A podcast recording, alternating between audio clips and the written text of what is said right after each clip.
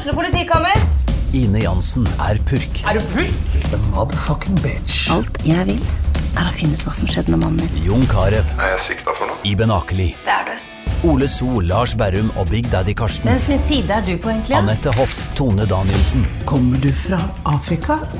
Jørnis Josef, Nesten. Kløfta. Trond Espen Seim, Det er synd å si det, men det var feil mann som døde. Purk. Premiere tirsdag på TV2 Play.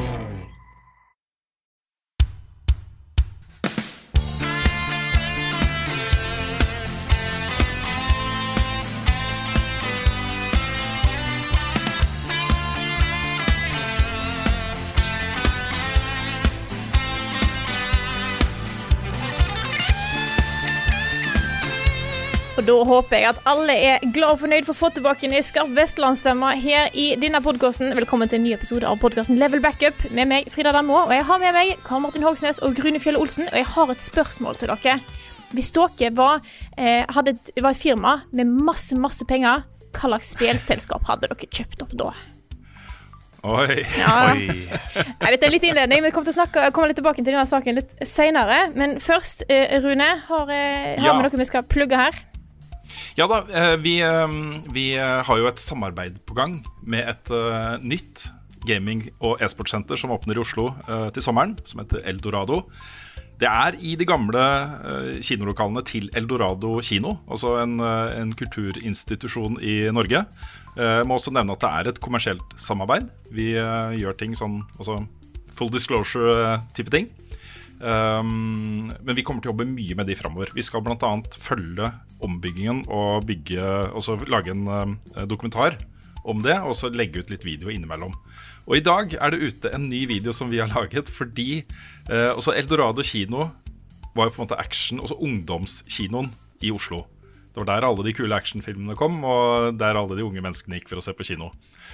Bakerste rad på Eldorado kino er noe for seg sjøl, liksom. Altså, der har det blitt klina mye. Veldig, veldig, veldig mye. Eh, Jeg tror det er mange i Oslo som har et forhold til bakerste rad på Eldorado kino. Og de har gjort en ganske kul ting nå, for nå har de tatt vare på bakerste rad på Eldorado kino. Og nå er det da ute en annonse på Finn hvor alle som vil, kan skaffe seg en av disse stolene. Så um, ville bare nevne at eh, en video hvor vi presenterer bakerste rad på Eldorado kino, eh, er ute nå. Eh, også den annonsen på Finn. Så anbefaler folk å sjekke ut, uh, sjekke ut det også. Jeg tror uh, I og med at jeg ikke har klina på bakerste rad på Eldorado kino, så har jeg ikke lyst på en sånn stol. Men hvis jeg hadde hatt det, hvis jeg hadde gjort det, så ville jeg hatt en sånn stol også. Ja, men, men tenk at du kan jo ha liksom en klinestol midt i stua. Og Mm. Ja, du kan liksom, lage er bakerste rad hvor du vil. Ja, du kan Ja. lage bakerste rad hvor du vil. Det er kjempekult. Mm. Men det er jo litt kjipt å bare ha én, kanskje. For du får, Ja. det, det er ikke så lett å kline i én stol. Kan sitte på fanget, vet du. Ja. Ja, det er sant. Ukens hotteste. Neimen, hva, hva, hva var det for noe? Jo, vi har nemlig fått oss nye vignetter. Dette er nemlig nytt år, eh, ny og bedre eh, level backup. Og dette har vi Vi har hatt litt lyst til å shake opp litt ting en liten stund. Eh, så det kommer mange overraskelser i løpet av den podkasten her, så det er bare til å glede seg. Eh, det første er at vi har tenkt til å introdusere en ny spalte-ting i starten av podkasten. Hva er dette her for noe, Rune? Du, eh, tanken er rett og slett at, eh, at eh, nesten hver eneste uke så er det på en måte en sak som skiller seg ut. Om det er et stort nytt spill som har kommet, om det er en pressemelding fra noen, om det er en ny trailer, eh, hva som helst. Det kan være hva som helst, men det endrer seg fra uke Ja, for eksempel. Det endrer seg hver eneste uke. Og jeg har alltid syntes det har vært litt sånn derre eh, rart, egentlig. At noen ganger så kommer ukas hotteste sak kommer liksom i nyhetsspalten. Etter at vi har snakka en time om hva vi har spilt i det siste og sånne ting. Eh, andre ganger kan det være et eh, spørsmål som vi har spart til slutt, uh, osv. Så, videre. så tanken er at nå løfter vi fram da, eh, det vi mener er ukas hotteste sak, og legger den først i podkasten. Eh, og det er, tenk deg, ikke sant, Hvis Half-Life 3 plutselig kommer, eller Cyberpunk Vi har akkurat spilt eh, første timen av Cyberpunk og setter oss ned for å lage podkast. Og så skal vi ikke begynne å snakke om det med en gang i podkasten. Jeg syns det er litt rart, liksom. Ja. Så dette frigjør oss til å kunne liksom gå litt mer rett på sak, da. Ja, men, men ja. vi må bare, må bare konstatere at eh, ukas nest største sak den må du høre på hele podkasten for, for å få med deg. Absolutt. absolutt Ja. Det Så ikke, masse ikke, ikke bytt kanal, sånn som de sier på TV. Ikke don't, don't switch the channels. Nei, så vi prøver dette, øh, prøver dette her. Uh, jeg, jeg tror det er fint. Så får vi se. Mm. Og så er det jo bare å komme med tilbakemeldinger på de grepene vi gjør da i denne podkasten her. Ja, Det ja, kommer flere grep som vi også skal kommentere underveis, men, men vi starter her, i hvert fall. Og da kan vi jo starte med det som jeg hinter til i introen, som er jo nemlig da at Funcom, da, du kan jo si største spillselskapet i Norge, ikke kan si det, er vel det òg. Eh, ja. Her er det Tencent, det kinesiske selskapet, som eh, så langt eier vel De eier vel 29 Ja, av aksjene fra før av. Eh, har nå bydd eh, 1,33 milliarder for å kjøpe opp hele Funcom. Og det som skjer nå, er jo det vel at eh, disse som, eh, som styrer Funcom, har vel sagt til aksjonærene at de anbefaler å gå med på dette her. Eh, så det ser mm. ut jeg vet ikke, For jeg tror ikke det er vedtatt sånn 100% men det ser ut til at Tencent kommer til å kjøpe opp Funcom. Ja, dette her er jo det som kalles en uh, uh, altså Jeg vet det, det engelske uttrykket for det motsatte er hostile takeover. Dette er vel en sånn venn, vennlig takeover. De går ut uh, med en beskjed til alle, alle som eier aksjer i Funcom, og det er ganske mange, altså. Fra småaksjonærer som kanskje eier uh, noen titalls, uh, noen hundre aksjer, til svære investorer som eier massevis altså grupper, investorgrupper osv., men også enkeltpersoner som har masse aksjer. Eh, De har gått ut og sagt nå at eh, i løpet av eh, tidlig februar, sannsynligvis første uka, første uka i februar, så vil de ha anledning til å kjøpe, til å selge sine aksjer til Tencent for en overpris. Og det var da snakk om en også Tilbudet er 17 kroner per aksje. Og det er da 27% over det aksjekursen var da den nyheten her ble sluppet. da. Så har jo aksjekursen til Funcom gått litt opp etterpå. Folk som uh, velger å komme inn. Kanskje, kanskje det blir en høyere pris hvis ikke de får kjøpt alle. Jeg jeg vet ikke hva, også Sanne ting kan jeg ikke så mye om. Uh, men det er da snakk om totalt uh, verdi på selskapet på 1,33 milliarder kroner. Ja. Og det er jo um, um, det, er mange, det er så mange ting å ta tak i her. For det første så er jo på en måte Dette er jo ikke første gangen Funcom får inn penger, men det er første gangen de eh, anbefaler og eh, prøver å selge seg helt ut, på en måte. For det har jo alltid vært eh, de ansatte som har jobba der, har hatt aksjer. Eh, det har vært eh, større og mindre investorgrupper og, og sånne ting. Og de har liksom henta inn penger i mange runder da, opp gjennom åra for å sikre videre drift. Dette er snakk om da et 100% salg til Tencent. Og Tencent eier jo massevis av spillselskaper rundt omkring i hele verden. Jeg har jo ikke oversikt over alle engang, men noen av de største er da Riot Games, som de eier 100% av. Eh, De eier 40% av Epic Games, eh, 11,5% av Blue Bluehole, som har PubG. eh, 5% av Blizzard, eh, eh, 5% av Ubisoft osv. Så, videre, og så, så de, de har nå over mange år kjøpt seg betydelig inn i vestlig spillindustri. Så en kan jo ja. se både positive og negative sider dette her. Det, jo, eh, det ble jo en stor sak i høst, blant annet med Blizzard og, Kina uh, involvement. Uh, så det er jo ikke bare gode ting. Nå snakker jeg generelt om Kina inn i det norske, nei, vestlige markedet. Uh, men jeg har fått inntrykk av at Tencent egentlig har vært ganske hyggelige med de spillselskapene de har kjøpt opp. Ja, så Normalt sett så ville jeg nå tatt med meg zoomen eller videokamera ut til kontorene til Funcom og spurt dem om ehm, hva skjer nå? Altså Hvordan blir Funcom etter overtagelsen? Eh, for det er jo, det meste tyder jo på altså jeg, jeg tror ikke noen kommer til å sitte på aksjene. Det, ja, jeg nekter å tro det, da. Så det blir nok et oppkjøp. Um, men de hadde jo bare sagt sanne, sanne ting som Nei, vi kommer til å fortsatt drive som før, og alle de sentrale personene blir, og uh, dette kommer ikke til å ha noen stor innvirkning, vi får bare økonomisk frihet til å fortsette å drive, bla, bla. ikke sant? Det er sånn veldig bla, bla. Sånn som pressemeldingen var. Eh, og det er jo sant. Også, jeg, jeg tviler ikke på at det er sant. Um, Tencent har jo ikke vist noen, uh, hva skal man si, eh, onde hensikter Nei. med oppkjøpene sine tidligere, sånn som jeg har fått med meg i hvert fall. Men det er sto, en stor, stor elefant i rommet her, som gjelder egentlig all involveringa til Kina over hele den vestlige verden. Ikke bare Tencent, men også Huawei og alle de investeringene som gjøres i, i eh, filmstudioer osv. osv. Fordi um, det er jo påvist en rekke menneskerettighetsbrudd i Kina. Eh, som Kina får kritikk for av uh, bl.a. FN og masse. Det er mange som kritiserer Kina for det. Resten av verden, egentlig. Resten av verden, egentlig. Ja.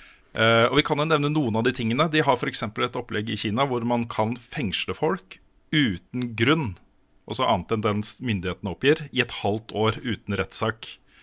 Uh, de kan sette folk i husarrest i årevis, det har vi sett mange eksempler på. Eh, fordi de er eh, politiske motstandere. eh, også polit de har, driver med kritikk av politikken i, i Kina. Det er da 13 millioner muslimer i den nordvestlige Xinjiang-provinsen som Det er jo sånne hva heter det, interneringsleire og tortur Konsentrasjonsleire, Konsentrasjonsleire, Ja. basically. uh, som blir behandla over mange, mange mange år. Blitt behandla utrolig dårlig. Uh, du har hele situasjonen i Hongkong, som eh, har eksplodert til nå. Eh, det er en massiv overvåkning av befolkningen. Med eh, poengsystem sensur. og alt mulig rart òg. Ja, sen- sensur av hva man har lov til å si, eh, begrensning av ytringsfriheten eh, osv. Og så videre. Og så har du jo da striden om, eh, om eh, Taiwan, som Kina ser som eh, en del av Kina. Altså uten noen uh, uh, eh, unntak. Det er, det er bare Kina. Eh, mens av og til i Vesten da, så omtales det som, eh, som et selvstendig land. Eh, og da kommer jo Kina ut og, og stopper det. Vi har sett flere eksempler hvor de har fått store store medier og aktører til å bare endre uh, om, om, altså omtalen av Taiwan som et eget land. Og dette er alle disse tingene. Også som spillselskap, jeg, jeg tipper at hadde du spurt uh, Funcom om disse tingene her, så hadde de sikkert sagt nei, vi skal ikke blande oss i politikk, vi skal lage gode spill. Uh, det, det, det må vi holde separat. Men hva om, da? hva om de hadde en eller annen idé da, som skulle omhandle disse temaene her på et eller annet vis? Uh, så hadde det bare Nei, det kan vi jo ikke gjøre. Tenker jeg, da. Også, dette er jo spekulasjoner, selvfølgelig.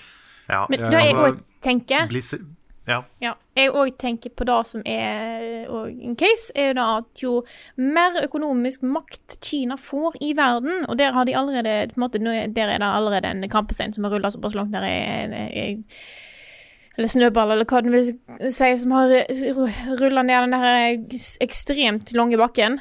Eh, jo mer økonomisk fordeler de får, og jo mer makt de har i verden, jo mindre er det vi kan gjøre for å prøve å stoppe disse tingene som skjer i Kina. For det som skjer, er jo at Kina har så mye økonomisk makt i verden at de får lov til å gjøre det de vil.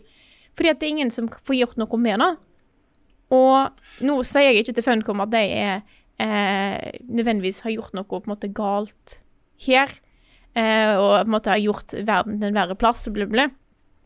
Men hvis ikke folk snart begynner å si nei til Kina, så tror jeg ikke at verden nødvendigvis er på vei til en bedre plass.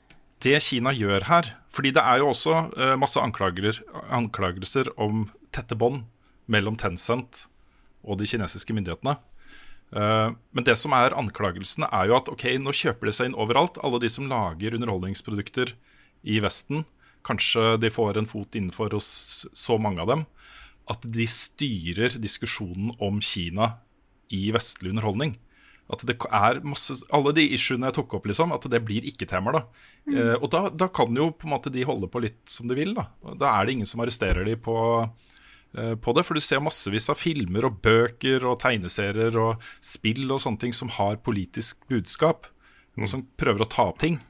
Eh, men hvis man da ikke kan ta opp eh, situasjonen i Kina eh, og drive kritikk av det, så er på en måte den diskusjonen blir jo fjerna litt fra offentligheten. ikke sant? Ja, det, altså I fjor, den eh, hele saken med Blitzchung var jo et veldig godt eksempel på hvordan det kan gå gærent. Mm. også sånn som vi ser i veldig mange filmer nå, eh, da spesielt mange Disney-filmer i det siste, så har det jo vært um, en litt sånn starten på en trend hvor du har hatt f.eks. sånn tre sekunder med homofili i en film, fordi da kan det klippes bort fra noen land, annet Kina. Ja. Og det er, det er også en sånn case om at ok, kanskje de ikke føler de kan ha mer av det, fordi da blir det vanskelig å kutte bort fra Kina og andre land som ikke syns det er greit. Og det er heller ikke noe kult. Nei, for Situasjonen her er jo at eh, Tencent eier jo masse overalt, ikke bare innen gaming. De eier utrolig mye. Og i Kina så har de bortimot monopol på uh, publishing av spill. Det vil si at hvis et spill ikke følger retningslinjene til uh, kinesiske myndigheter, og har et innhold som de kinesiske myndigheter mener ikke er passende for den kinesiske befolkningen, så kommer det ikke ut i Kina. Det Altså, er da- litt av et marked. Det er et kjempemarked. Dette er en økonomisk ting. ikke sant? Det handler om kroner og øre eh, for de som lager og utgir eh, spill. Og um, også, Spill er en business, og jeg, det er greit. Jeg, jeg skjønner at det er en business og sånne ting. Men men altså, menneskerettigheter er jo også ganske viktig, da. Ja. Ja, og hvis man, hvis man mener at spill er kultur og kunst og burde kunne ta opp diverse temaer, så, så er jo ikke dette her noe bra. Nei. Det er, eh, jeg føler meg litt slem da, som sitter og snakker om disse tingene eh, i det som jo er en gladsak for Funcom. De er jo Ja. kjempehappy, og det er sikkert mange av de ansatte der som eh, kan betale ned boliglånet sitt og eh, har det kjempefint og får betalt for mange år med slit og sånne ting. Det er jo, det er jo fint. Um, Og det er jo Hvis dette kan hjelpe Funcom til å bli enda større, nå ut enda Mm. flere folk med spillene sine, så er jo det òg en positiv ting, spesielt altså for hele det norske spillmiljøet. Absolutt. Absolutt. Altså, det kan bli kjempebra for hele Norge, eh, og i hvert fall for Funcom. Så, så det er jeg, jeg, vil, jeg vil bare ikke sitte her og så bare si, si at det er tipp topp. Jeg vil eh, ta opp den andre tingen også. Så, det er, så nå blir jo vi band in China. Eh, så da er, Sikkert. Så det vedtatt. Ja. Og ikke minst da så må jo dessverre Funcom kansellere de tre eh, Ole Brumm-spillene som de jobba med. Ja, der gikk det over grensen, eh, Karl. Ja, da er vi i hvert fall banda i Kina.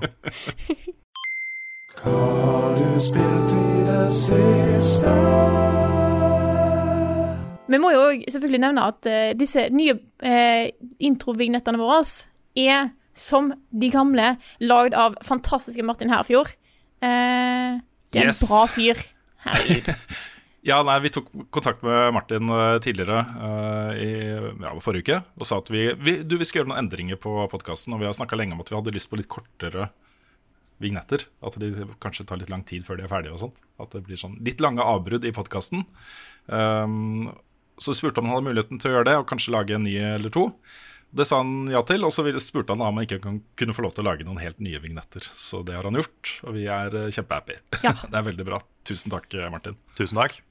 Så, eh, så folk eh, jeg, jeg, jeg liker de veldig godt. Jeg har hørt på de flere ganger i, i dag, siden vi fikk de. Så eh, men Jeg er, helt, jeg, er helt sikker på at det er mange som hører på som kommer til å si at jeg likte de gamle mye bedre, akkurat Ja. som de sa forrige gang vi innførte de. Så det kommer til å skje, men gi det litt tid da, folkens. Ja. så- Så vi, vi mennesker er vanedyr, så vi liker det vi er vant til, og glad i rutiner og, og sånn. Men, Snart- eh, Så også bare, men ja. ja, bare nevne kjapt at den trompetvignetten helt i starten, den har jeg lagt. ja, ja. Sånn at ikke Martin bare så det for eh, Hvis alle hater den, liksom, så er det ikke Martin dere skal skylde på på den. Det er sant. det er sant. Eh, Så jeg er helt sikker på at disse, den fantastiske stemma til Martin Herfjord kommer til å synge seg inn i hjertene til alle våre lyttere. Hele det norske folk, Hele, Hele det norske folk. og internasjonale folk, ikke minst. Yes. Ja. Og Kina. Eh, da eh, skal vi snakke litt om hva vi har spilt i det siste. Mm. Og nå har jo dere fått snakket litt forrige uke om hva dere har spilt. Ja, Eh, men dere har vel kanskje spilt litt siden da òg? Kanskje? har det, vet du. Ja. Ja. Har du lyst til å begynne, Rune? Jeg kan, jeg kan gjøre det, fordi det har jo dukka opp da et spill som mest sannsynlig kommer inn på min topp 10-liste for eh, 2019. Det er et spill jeg har gått og tenkt på å spille lenge, men som jeg har glemt litt. Det har drukna litt i støyen fra mange andre større utgivelser og sånne ting. Og det er et lite, nydelig, herlig spill som heter A Short Hike. Ja. du spilt om det for, ja, jeg har spilt det. Vi snakka om det for noen dager siden. Er det ikke ikke Short Walk, eller A Short Hike? Nei, Sh- Short Hike heter det. Short Hike, ok. Det er laget av én person. Um, Adam Gryu. Jeg er litt usikker på hvordan du uttaler det, men det er i hvert fall eh, handelen hans eh, på alle sosiale medier og sånne ting. Eh, og det er da et spill som um, jeg- ser en trend, egentlig, fra særlig indieutviklere som går litt på det okay, Slutt å stresse, da, folkens. Kan dere ikke bare legge fra dere mobiltelefonene og e-posten og de sosiale mediene og slappe litt av? Ta en liten pause, liksom. Det handler dette spillet her om. Du spiller da en uh, fugl som skal til eh, Hawk Peak Provincial Park. Eh, ankommer de for å ta en pause, for å ta en liten ferie. Eh, ankommer dit, og den første som da hovedpersonen her tenker på, er jo Åh, venter jo på en utrolig viktig telefonsamtale. Men så er det ikke reception. Du får ikke noen mobilsignaler der eh, du er, da. Men kanskje da på toppen av fjellet kan du få litt eh, signal. Så du setter da ut og det første I starten så er det liksom sånn at den personen her vil jo bare rett i toppen for å eh, ta den telefonen. Men så er det jo distractions overalt. ikke sant? Sånne koselige ting. Du skal hjelpe folk med å finne noen skjell, og så er det noen som skal løpe et maraton, men som har mista hodebåndet sitt, hodetørkleet sitt. og eh, Du kan kjøpe liksom fjærer som gjør at du kan klatre og fly lenger. og dukker opp nye områder, og liksom hele øya bare eh, utvides og utvides da, for hvert skritt du tar. på en måte. Og til slutt så sitter du der med en haug med forskjellige sånne koseoppgaver du kan gjøre. Og da vil, du vil jo absolutt ikke til toppen av det fjellet for å avslutte spillet, ikke sant. Um, jeg merka så utrolig godt med en gang at vet du hva, nå bare koser jeg meg. Nå, nå har jeg det skikkelig hyggelig. Dette er kjempebra. Det er jo eh, veldig bra musikk her også. Sånn av, altså det er veldig zen. da Hele spillopplevelsen er veldig zen. Og jeg føler virkelig at jeg trengte det spillet i hverdagen min akkurat nå. Altså. Så, så det var et utrolig uh, hyggelig uh, opplevelse, rett og Ja, så kult. Jeg har Ja, jeg har egentlig satt grenser for spill jeg skulle spille til topplista mi, men jeg tror kanskje jeg må innom det der òg før, jeg kan, eh, før jeg kan gjøre meg, se meg ferdig. Innser jeg. Det bør testes. Og jeg har ikke spilt veldig mye av det. Jeg har spilt en del, men, øh, men det, det er sånn umiddelbart veldig, veldig fengende. Alt funker så bra, altså. Og det er, øh, det er en sånn pixel-stil på det, øhm, så det ser også veldig, veldig pent ut.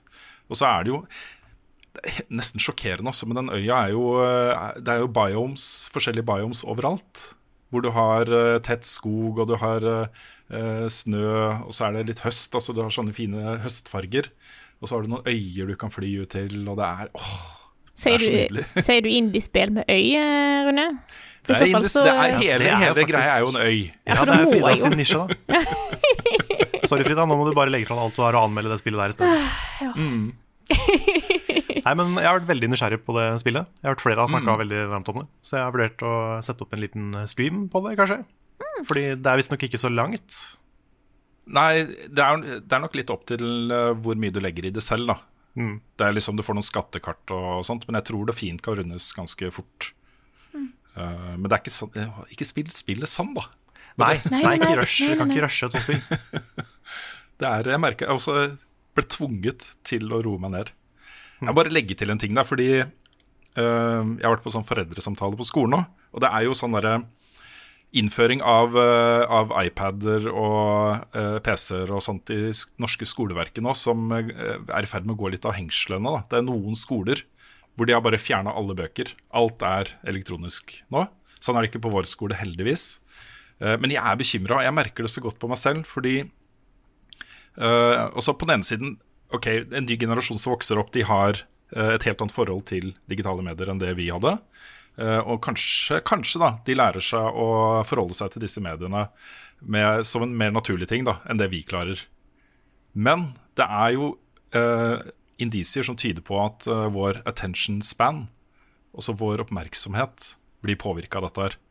Eh, og da kom jeg til å tenke på, fordi jeg har jo uh, Før jeg fikk barn og sånt, så var jeg fryktelig glad i å lese bøker. Jeg kunne lese to-tre bøker i måneden.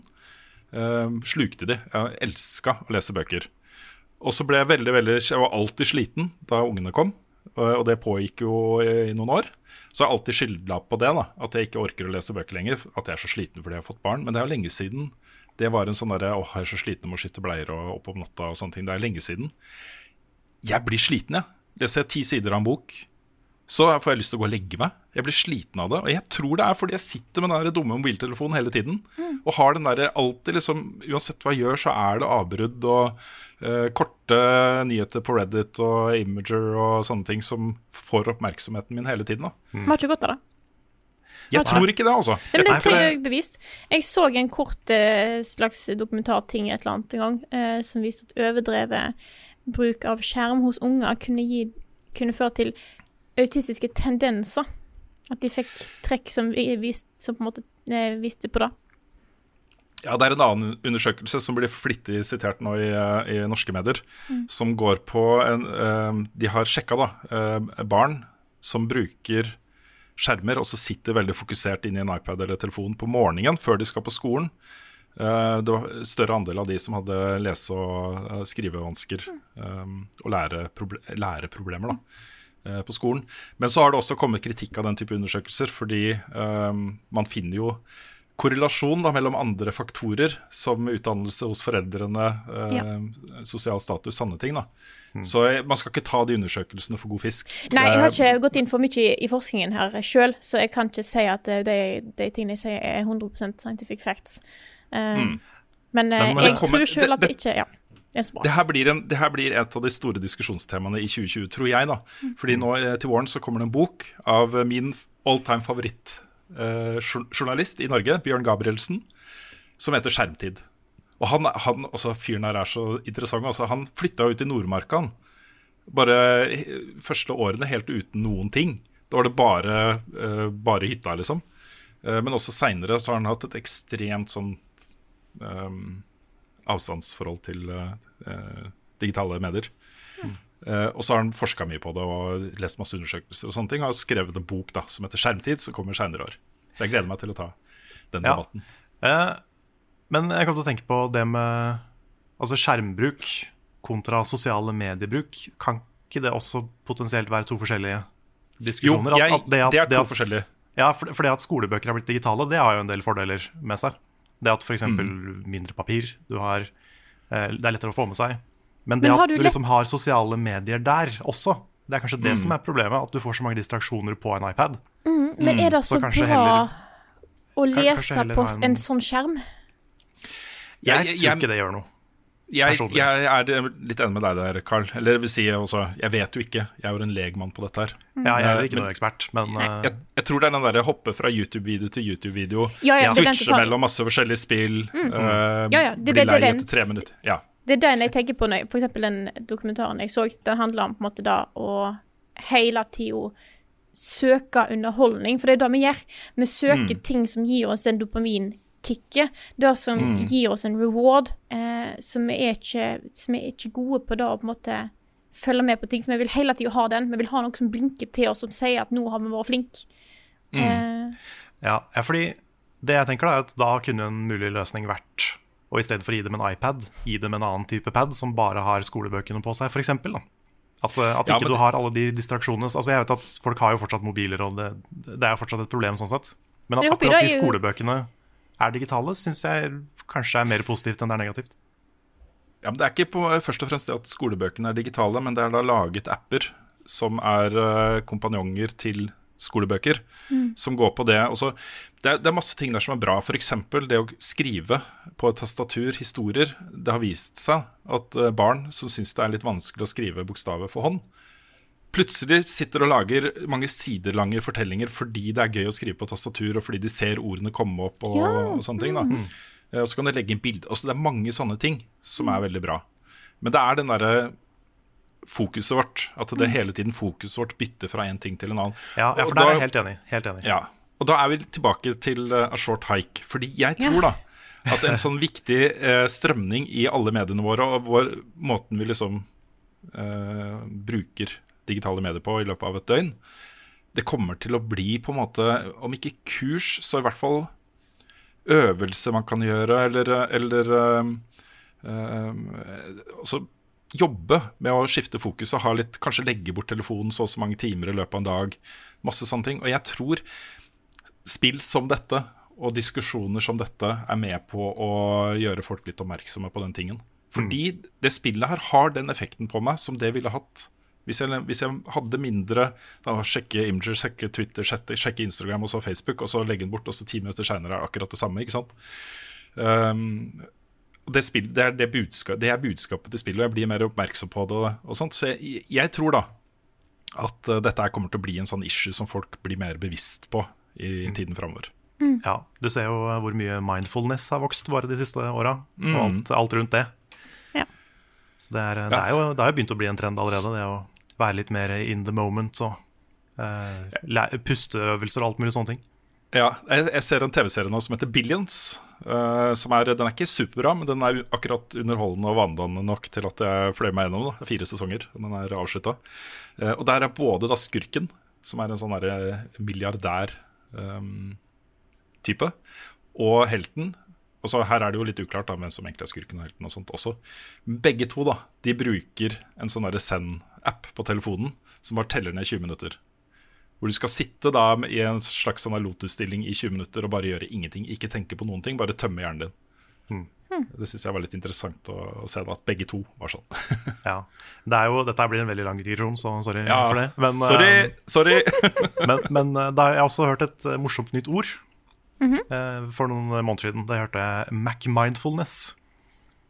Som er Det er et ord som beskriver det å kommersialisere det også. For det er det også en del som gjør. Eh, sånn at du kan liksom prøve i to dager, og hvis det funker, så kan du kjøpe denne appen og mikrotransaksjoner og sånn og sånn.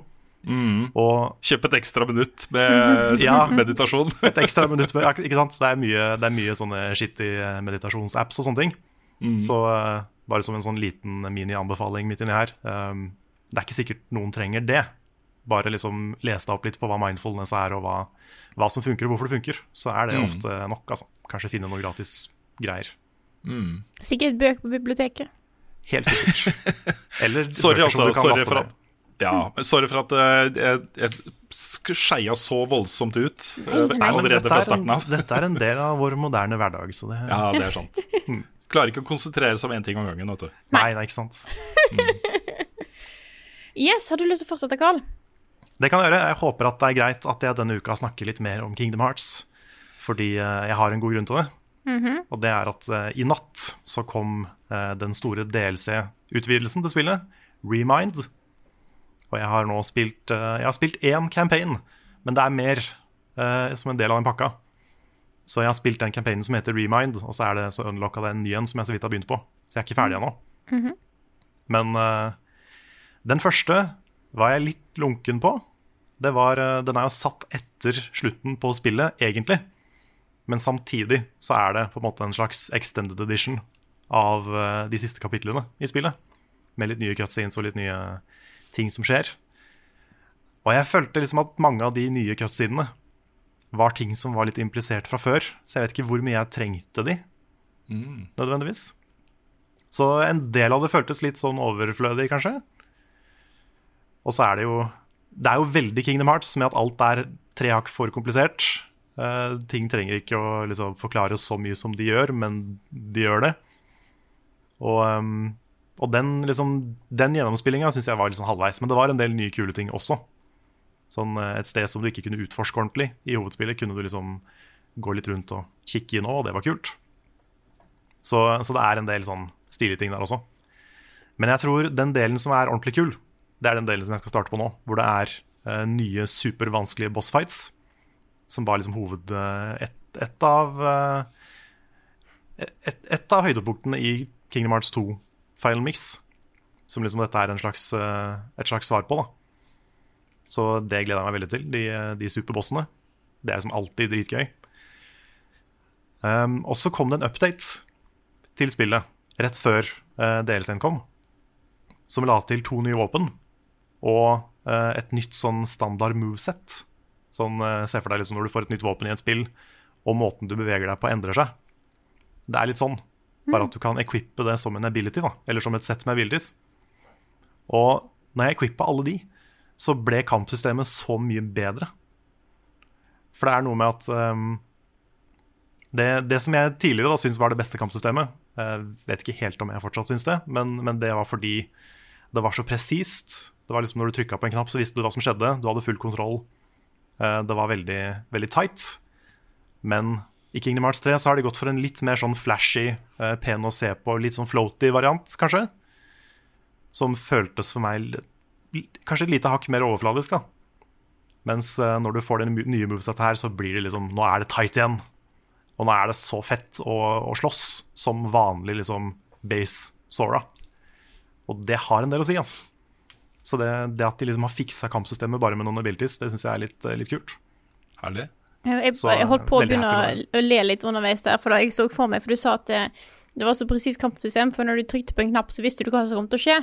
Og da så jeg plutselig for meg et spill der du ikke visste hva som skjedde da du trykte på Ja, angrepsknappen. det- det At bare en tilfeldig ting skjedde.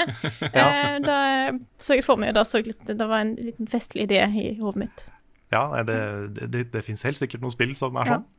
Men um, Nei, for det, det jeg mener er at trykk på X, så får du en sånn fem sekunders animasjon med mye flash og piruetter og sånn, Ja, ikke sant? Det er enten det, eller trykk på X, så får du ett veldig hardt og presist slag. Så det er mer da det som har kommet inn. Det er fem sekunder var å over- overdrive, men, eh, men det, er mye mer, det er mye mer kjapt, snappy.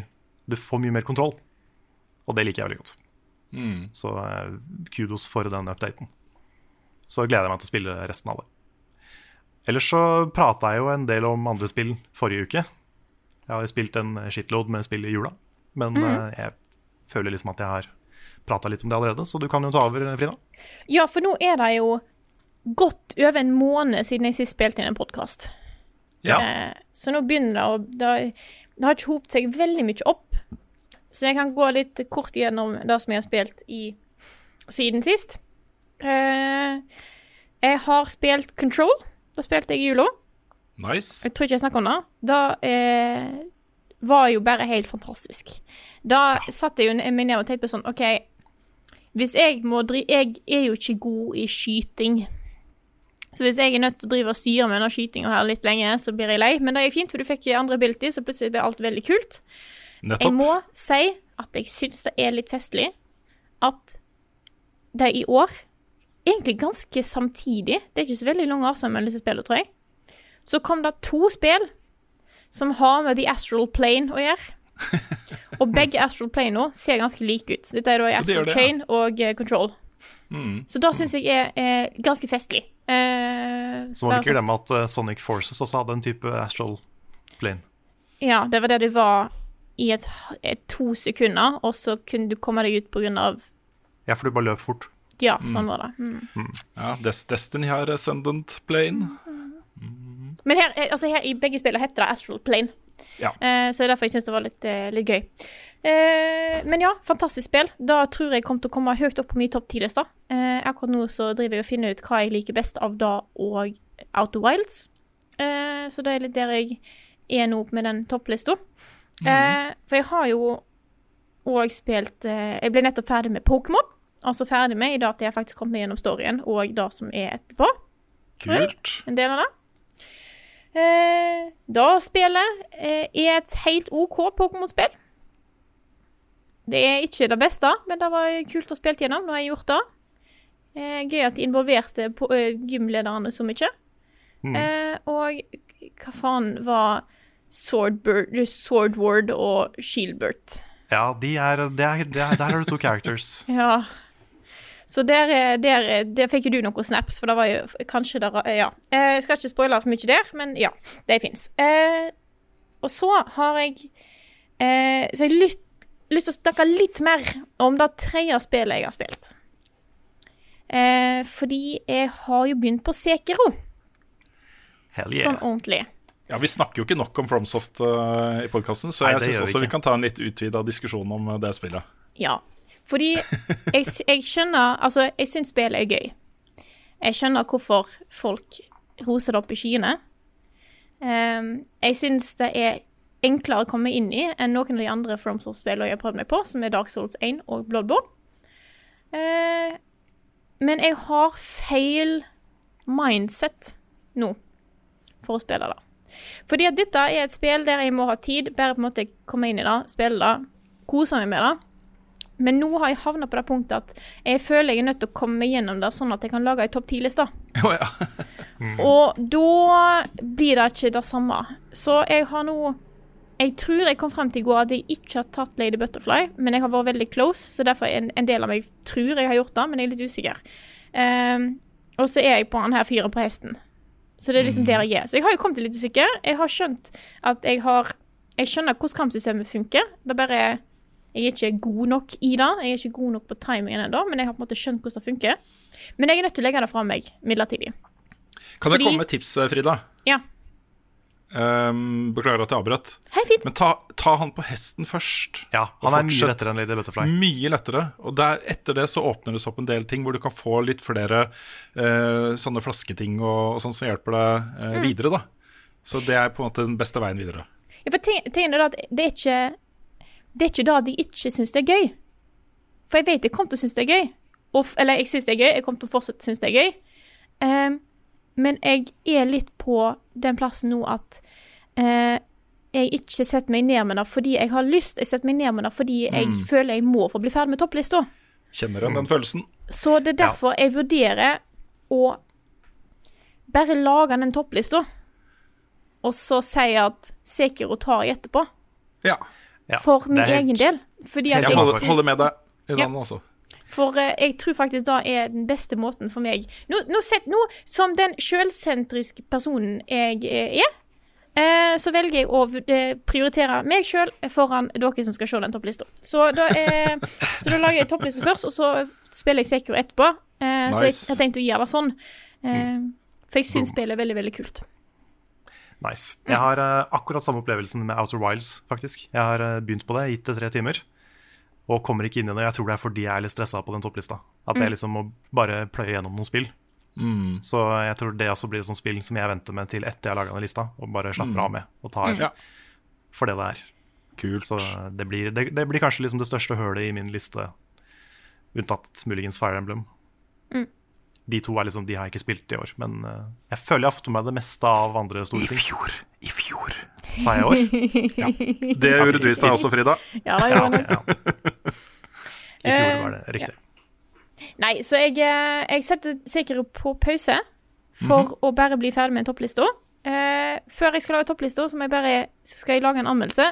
Jeg har begynt på et spill som heter Journey to the Savage Planet. Uh, jeg har spilt igjennom spillet. Ble ferdig i går, tror jeg. Uh, men da har embargo på mandag, så da snakker jeg mer om neste uke. Så Den er grei. da tror jeg at jeg har dekka det jeg har spilt siden sist. Denne er jo kjempebra. Ukens anbefaling.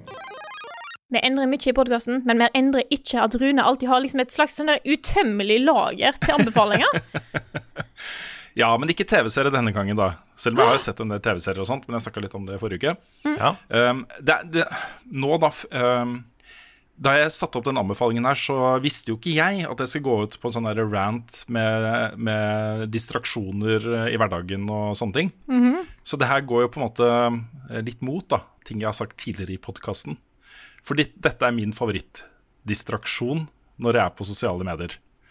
Eh, som jeg har lyst til å anbefale. Og det er en kanal jeg tror de aller aller fleste som hører på, har vært borti den kanalen her fra før. Så den er litt sånn redundant.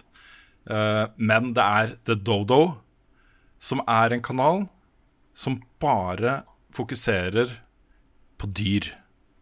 Og på eh, mye, da. Altså det, det er som de der videoene ikke sant, når uh, militærpappaer kommer hjem og har vært borte i Afghanistan i to år og møter barna sine for første gang, og så er de på high school ikke sant, og alle blir glad. Det er veldig sånn rørende, for dette er jo mye sånne historier med dyr som har det fælt. Og så kommer det inn folk som syns det er helt forferdelig, og som hjelper dette dyret og gjør den frisk igjen og sørger for at den får seg et hjem og sånne ting. Ja. Og den historien, da, det er tre minutter lange sånne der fantastiske historier om et dyr som har det fælt, og så får det kjempebra. Jeg føler jeg trenger det i hverdagen min. Også, Men- det er en sånn derre Men når du sier Eh, kanal, herlig. hva mener du med kanal? Du bare søk på The Dodo, for de har eh, Twitter, YouTube, eh, Facebook, eh, Instagram alt, De er overalt, da. Ja. Um, jeg, fleste av de får jeg på, på Twitter. Um, det er en sånn derre eh, fin sånn pauseting for meg på Twitter. Ja. Jeg får de opp eh, på Facebook uten egentlig å følge de engang. Men jeg blir alltid Ja, sånn glad sant? når jeg ser de, for det er, sånn, altså, det er alltid litt sånn fælt i starten. Og så blir Mm. du sittende og se på, for du håper jo det går bra, og så går det alltid bra.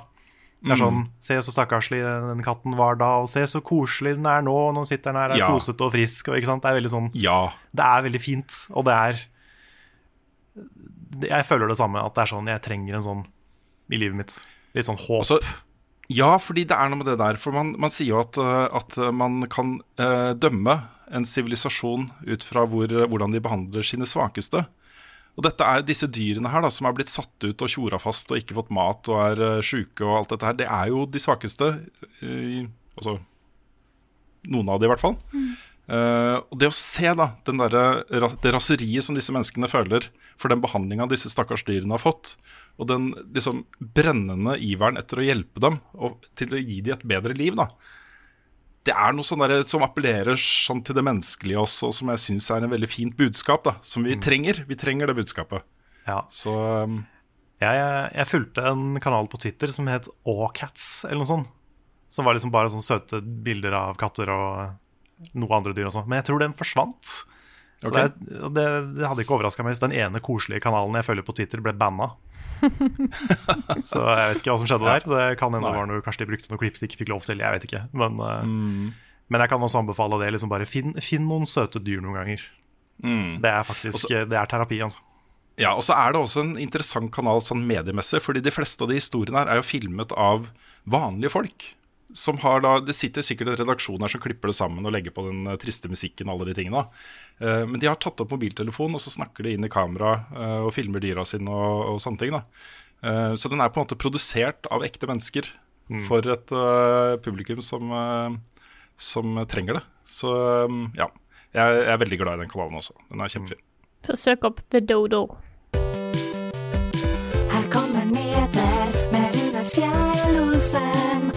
Han har ikke hår. Jeg må innrømme at jeg er bitte, bitte, bitte lite grann trist for at ikke den der heavy metal-versjonen av den intro-vignetten eh, er med. jeg har blitt veldig glad i den. Noen ganger så hører jeg den i bakhodet når jeg går inn i et rom og sånt. Jeg kommer, Det er, det er litt sånn der empowering soundtrack for livet ditt. Ja, det er det. Um, så, men eh, flott ny vignett fra Martin og det der også. Det er jo da nyspalten. jeg-. Ja, jeg syns han tar på en måte vare på eh, Altså, melodien er der, og da syns jeg det er Mm. litt kjekt. Jeg synes det er også At du ikke har hår, den er der for Du har jo fortsatt Ja, ikke hår, så det ja. Jeg har jo ikke det. Nei. Så ja. Men uh, vi skal ha nyheter. Og da er jo da ukens største nyhetssak er jo fjernet fra nyhetsspalten. Vi snakka om eh, Tencent oppkjøpet av Funcom. Eller det mulige, da. Det, ja. Ja, for, for, de, for de, som har hoppa kun til nyhetsspalten, så må dere nå hoppe tilbake Ja. eh, i podkasten. Mm. Ja. Men vi skal holde oss eh, litt i Norge, fordi for en stund siden så um, saksøkte jo eh, norske forbrukermyndigheter og tyske forbrukermyndigheter Nintendo i Tyskland. Altså retten, rettssaken ble ført i Tyskland. Og det er jo da Stanley Pressfire som har fulgt den saken her tett. Det er der jeg har hentet all min informasjon om hva som har foregått i den saken. Eh, og nå har da eh, Nintendo vunnet den rettssaken. Saken gikk jo på at det ikke er mulig å få eh, refundert forhåndskjøp på Switch. Og så forhåndskjøper du et spill, så er det ingen systemer på plass for å få refundert de pengene før lansering. Og Det mener da norske forbrukermyndigheter og tyske forbrukermyndigheter ikke er greit, eh, og gikk da til sak på Nintendo. Nintendo vant saken, eh, og er da eh, ja, Tyske myndigheter må da betale saksomkostningene, men saken er anka. Så den kommer til å fortsette. Men jeg syns det er en eh, interessant sak å følge med på. For det er jo mange grep som må gjøres, nå som vi bare handler digitale produkter som bare eksisterer som bits og bites der ute. En ett-tall og nulltall. Ja. Men hvordan er det på alle de andre plattformene? Er det mulig å refundere preorders der? Ja, det er det. Eh, ikke, jeg vet ikke på alle, jeg har ikke satt meg så godt inn i det, men på Steam for eksempel, så kan du jo spille der en time eller noe sånt. Eller Ja. et kvarter, jeg husker ikke. Eh, så lenge du kan, så lenge du har kjøpt spillet og ikke spilt mer enn så så lenge, så kan du få alle pengene dine tilbake for det kjøpet. Mm. Du har tilsvarende på PlayStation, har jeg sett. Eh, så, så det fins systemer for det, og det bør det jo være. Ja. Og Jeg mener jo at det bør være det. Jeg mener jo at eh, dommen her er feil. Mm, enig. Så, for det kan jo skje ting, ikke sant. Eh, og da blir jo vårt budskap da ikke forhåndskjøpt spill. Nei? Hvis det viser seg at eh, Ja, ikke sant. Hvis det viser seg at uh, her har de ikke lagd spillet ferdig, eller det er ting her som uh, er predatory på uh, mikrotransaksjoner eller hva som helst, hva det skulle være. Så eh, hvis du har forhåndskjøpt og ikke kan få refundert pengene, så sitter jo du der da, med skjegget i postkassa. Hvis man har skjegg. Ja, Du har ganske mye skjegg òg for å sette det fast i postkassa. Ja. ja. Det er sånn du, har, du har mer skjegg enn Bjørn. Nei, jeg tror du kan sette den fast. Hvis du har eh, kan, bjørnlengdeskjegg. kanskje hvis du er Bjørn. Kanskje hvis du er Bjørn. Spesielt Ja, hvis, du bare like har. Og hvis du bare har sånn postkasse, det er bare sånn der sprekk på toppen, eh, og så, Mm. så kan du lett sette skjegget ned i det, vil jeg tippe. Mm.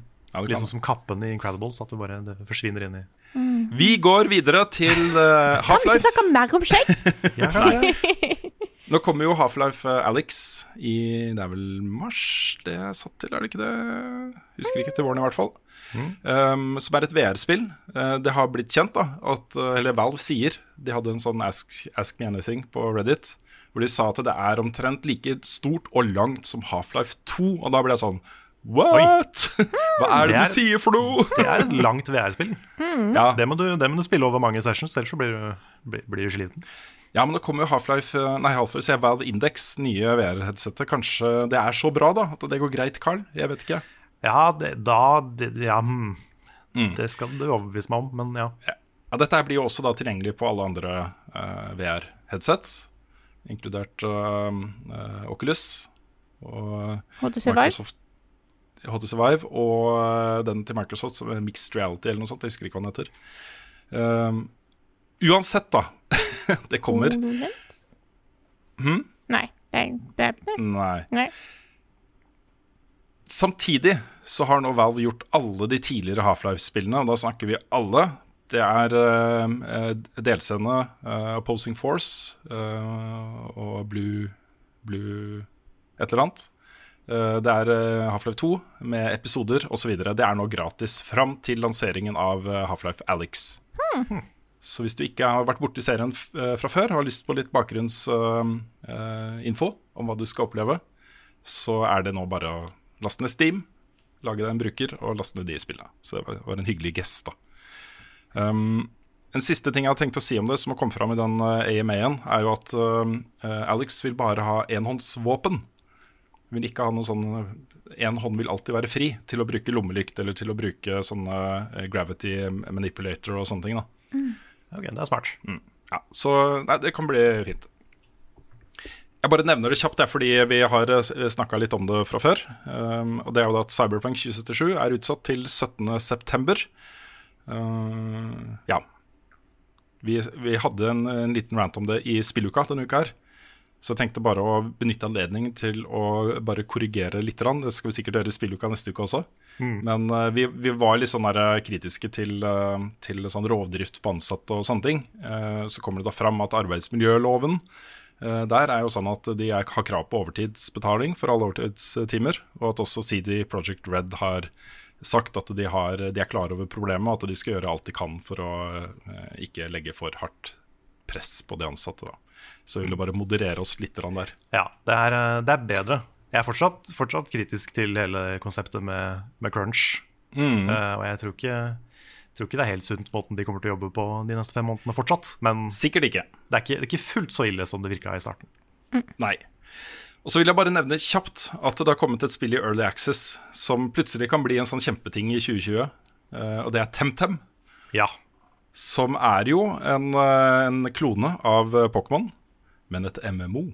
Hvor du Riktig. flyr rundt i en verden med masse andre spillere. Du kan teame opp eh, i tomannslag eh, og slåss. Du har kjempestor valgfrihet i å lage din egen karakter. Men det er jo basically Pokémon, men da med alle disse elementene her da, til et MMO. ja. Det er nok et, et forsøk på å gjøre det mange vil at Pokémon skal gjøre. Altså det å ta steget ut i noe litt annerledes. Eh, Bare med Ja, bare fjerner alle Pokémonene og lager noen egne. Og så, og, og så bruker liksom grunn, grunnkonseptet til å gjøre noe nytt. da Mm. Så det er på en måte for Pokémon det Dauntless var for Monster Hunter, kanskje. Ja. Mm. Så eh, jeg har ikke spilt det ennå, men eh, Nick og jeg har en avtale i morgen om å spille det sammen. Kult, så da kommer det en, en liten sånn preview Carl og Nick tester-video. Ja, det er veldig bra. Uh, inspirasjonen her er nok også litt fra Minecraft-moden Pixelmon. Som jo også er Ja, litt sånn det samme. Hvor Ja. du kan spille sammen, og det er en stor verden, og du kan fly rundt og samme, fange Pokémon sammen og sånne ting. Så ja, jeg tror det jeg tror det er mange som øh, Hvis det her blir bra, da, så tror jeg det kan bli en ganske stor øh, ting i 2020. Og så ukens eh, Det her kunne kanskje vært toppsaken. Kunne kanskje tatt den helt til først, for det er stort og viktig. Toss a coin to your Witcher er nå tilgjengelig på Spotify og Apple Music. Yes! Dette redder faktisk dagen min. Jeg har eh, i sånn, Jeg tror første uke på jobb så hørte jeg kun på Toss a Coin to Your Witcher. Eh, Jeg fant en orkesterversjon.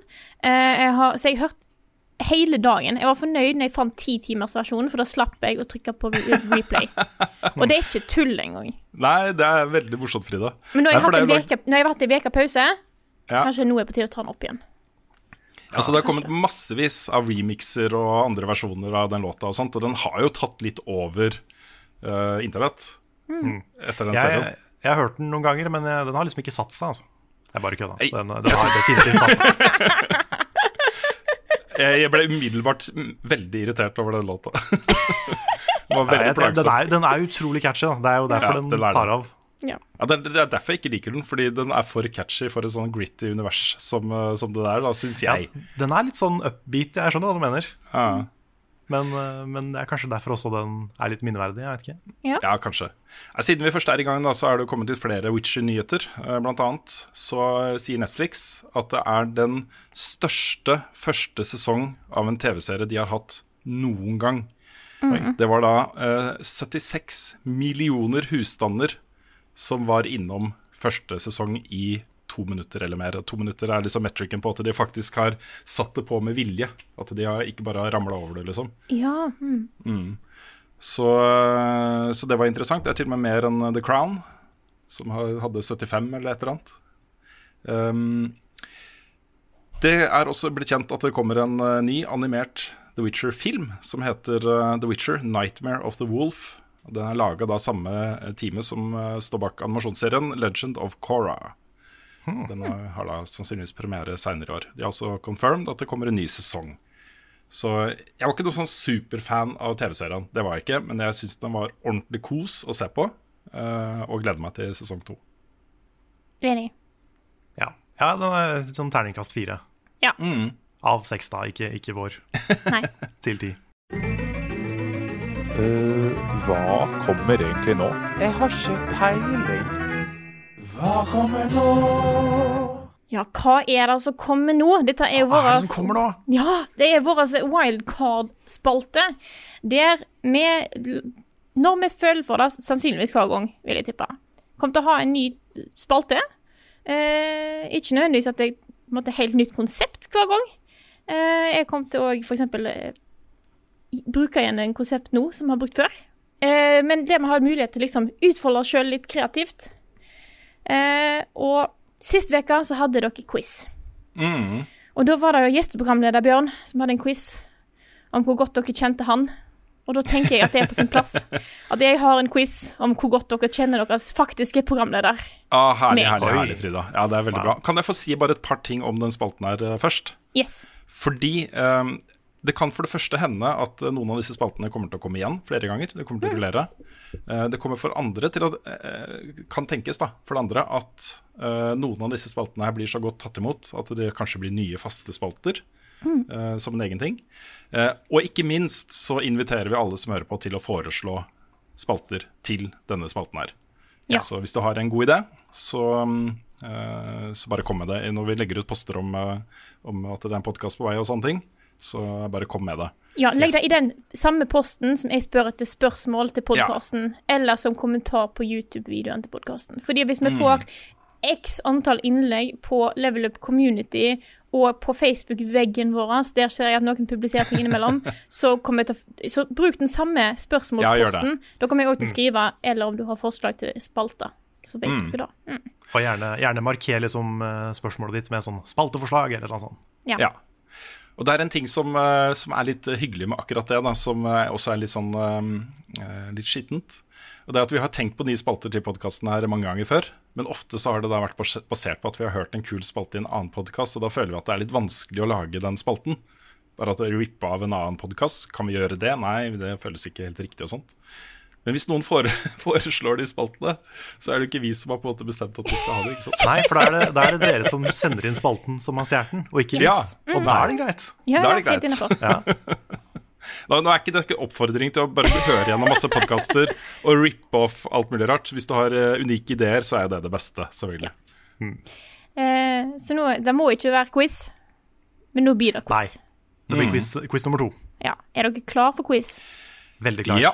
Vi trenger en oppvarmingsrunde, innser jeg. For å få dere litt eh, varm i trøya, komme litt i gang, Mhm. så da spør jeg så enkelt Hva er mitt all time favorite-spill?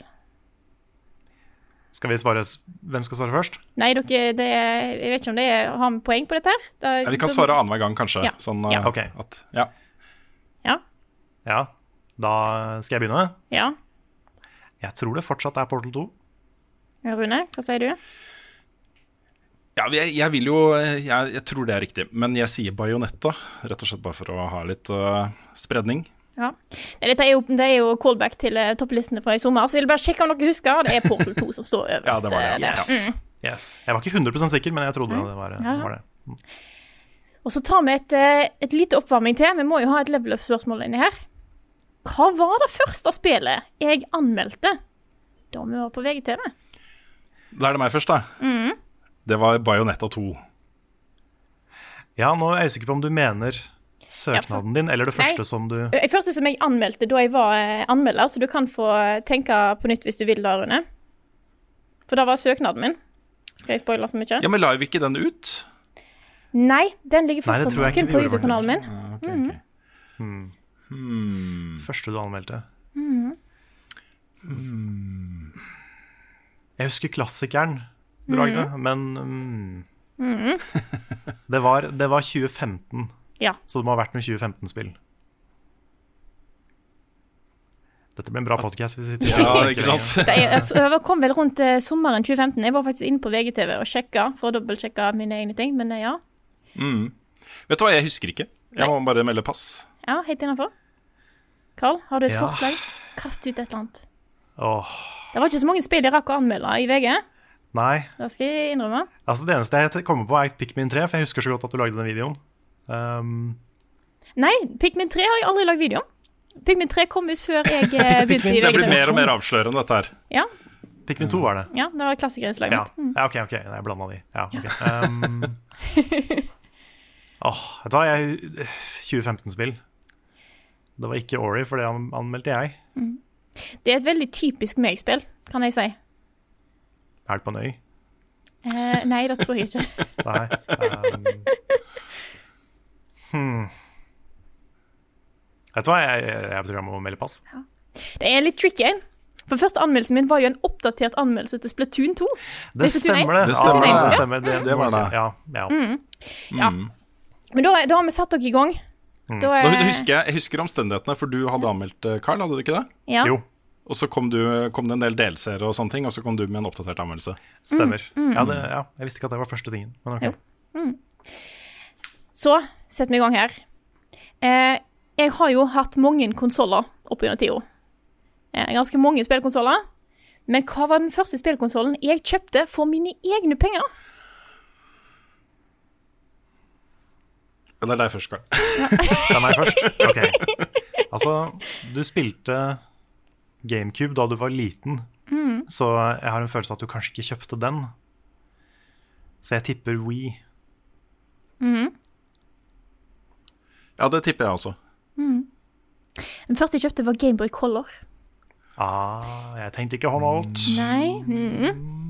Ellers har jeg nesten ikke kjøpt eh, Det kun i nyere Wien òg fikk jeg til jul, sammen med GameCuben. Så eh, det er bare i liksom, de nyere generasjonene der jeg faktisk har kjøpt det sjøl. Så vet dere det. Okay. Så jeg har, mange, jeg har, jeg har mange konsoller. Jeg har mange spill til mange konsoller. Og hvis vi ikke teller med PC, hva konsoll har jeg flest spill til? Nå begynner jeg å eh, grave litt her. Så ikke PC, fordi jeg har jo eh, Altså, alle har jo en sinnssykt Ja. mange ting i, på, i er det meg først. Ja. Jeg sier PlayStation 4. Vet du hva, jeg, jeg tenker litt det samme fordi du har jo blitt anmelder, så jeg vet ikke om du har liksom Hvor mange spill hadde du råd til å kjøpe da du var liten og hadde GameCube og sånn? Mm.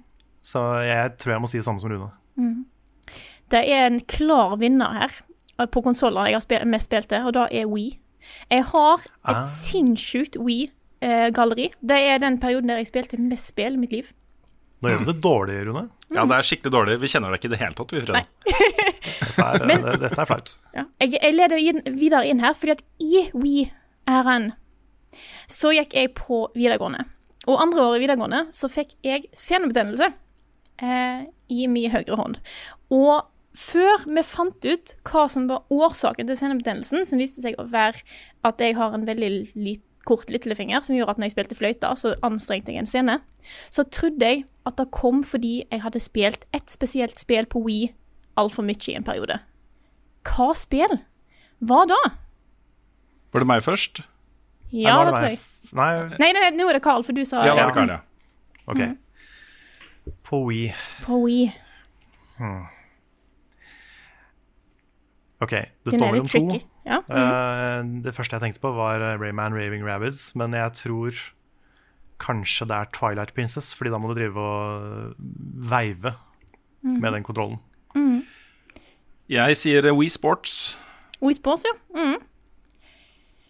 Jeg fikk senebetennelse høsten Sonic Colors kom ut. Das, oi.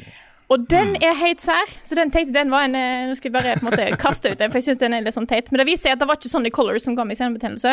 Eh, men jeg trodde det veldig lenge. Jeg sa det ikke til noen, for jeg var litt flau. Men da er, det, da er det greit at ikke vi visste det. Ja. Men det er mange, jeg har spilt mye spill.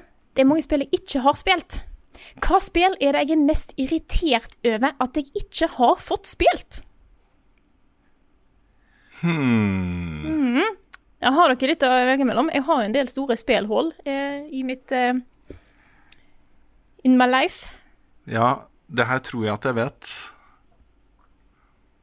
Mm. Det er Jeg vil ikke gi dere noe hint ennå. Men det er et, det er det er Altså, det er en grunn til at jeg, det er en grunn til at jeg er, er trist for at jeg ikke har spilt det. Mm. Jeg vil si det er et eh, viktig spill. Ja. Har du et forslag, Rune?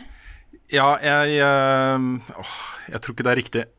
Men jeg har ikke lyst til å tenke for lenge på det heller. Nei. Men det, det er et førstepersons uh, skytterspill. Og jeg tipper det er eh, Half-Life. Du sier Half-Life. Da hva sier sier jeg uh, Ocarina of Time. Dere tar begge to feil. Oh, nei! Svaret mitt er The Witcher 3. Aha. Ocarina of Time har jeg spilt. Ha, jeg trodde du ikke hadde spilt det? Jo, jeg har spilt det på 3DS. Å ja. Mm. Mm. Nei, Witcher 3 er et spill jeg er, er trist for at jeg ikke har spilt. Og det er mest fordi Mm. det, jeg ikke har tid ennå. Du får hive deg på bølgen. Det er jo Ja. millioner av mennesker som spiller Witcher 3 for første gang i disse dager. Det da. Mm. Men nå er vi inn på dette her. Hva spill er det jeg er mest drittlei av at folk sier at jeg må spille? Altså, jeg hadde sagt noe Dark Souls, men du sa i går på stream at ikke det plaga deg så mye. Ha. Ja. Så dette er jo også et spill jeg er- Det er et stort spillhull. Mm. Mm. Det er da Er det, Carl først. er det lov å spørre om det er eh, moderne eller ikke? Det er moderne. OK. Mm. Har, du, har du noen forslag, Carl? Kast ut et eller annet. Kom igjen. Ja. ehm, Hva er det som lurer seg opp i hjernen din nå? det er altså Det er spørsmålet hvor moderne. Ja. Fordi Ja. Mm. Jeg, får, jeg får lyst til å spørre om flere hint, men det er urettferdig. Ja. Um, hmm, Det er et stort spill. ja. Så det er- er det The Witcher 3 igjen? Du sier The Witcher 3. Rune, Ja, hva sier si du? det.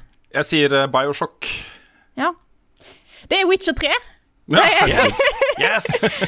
Det er av den grunn at folk sier at 'jeg må spille', så sier jeg sånn, ja, jeg vet Ja, det, vet du hva, De sier det til meg også. da De sier Ja, alle ja. som ikke har spilt The Witcher 3, får det spørsmålet hele tiden. ja. Mm. Mm.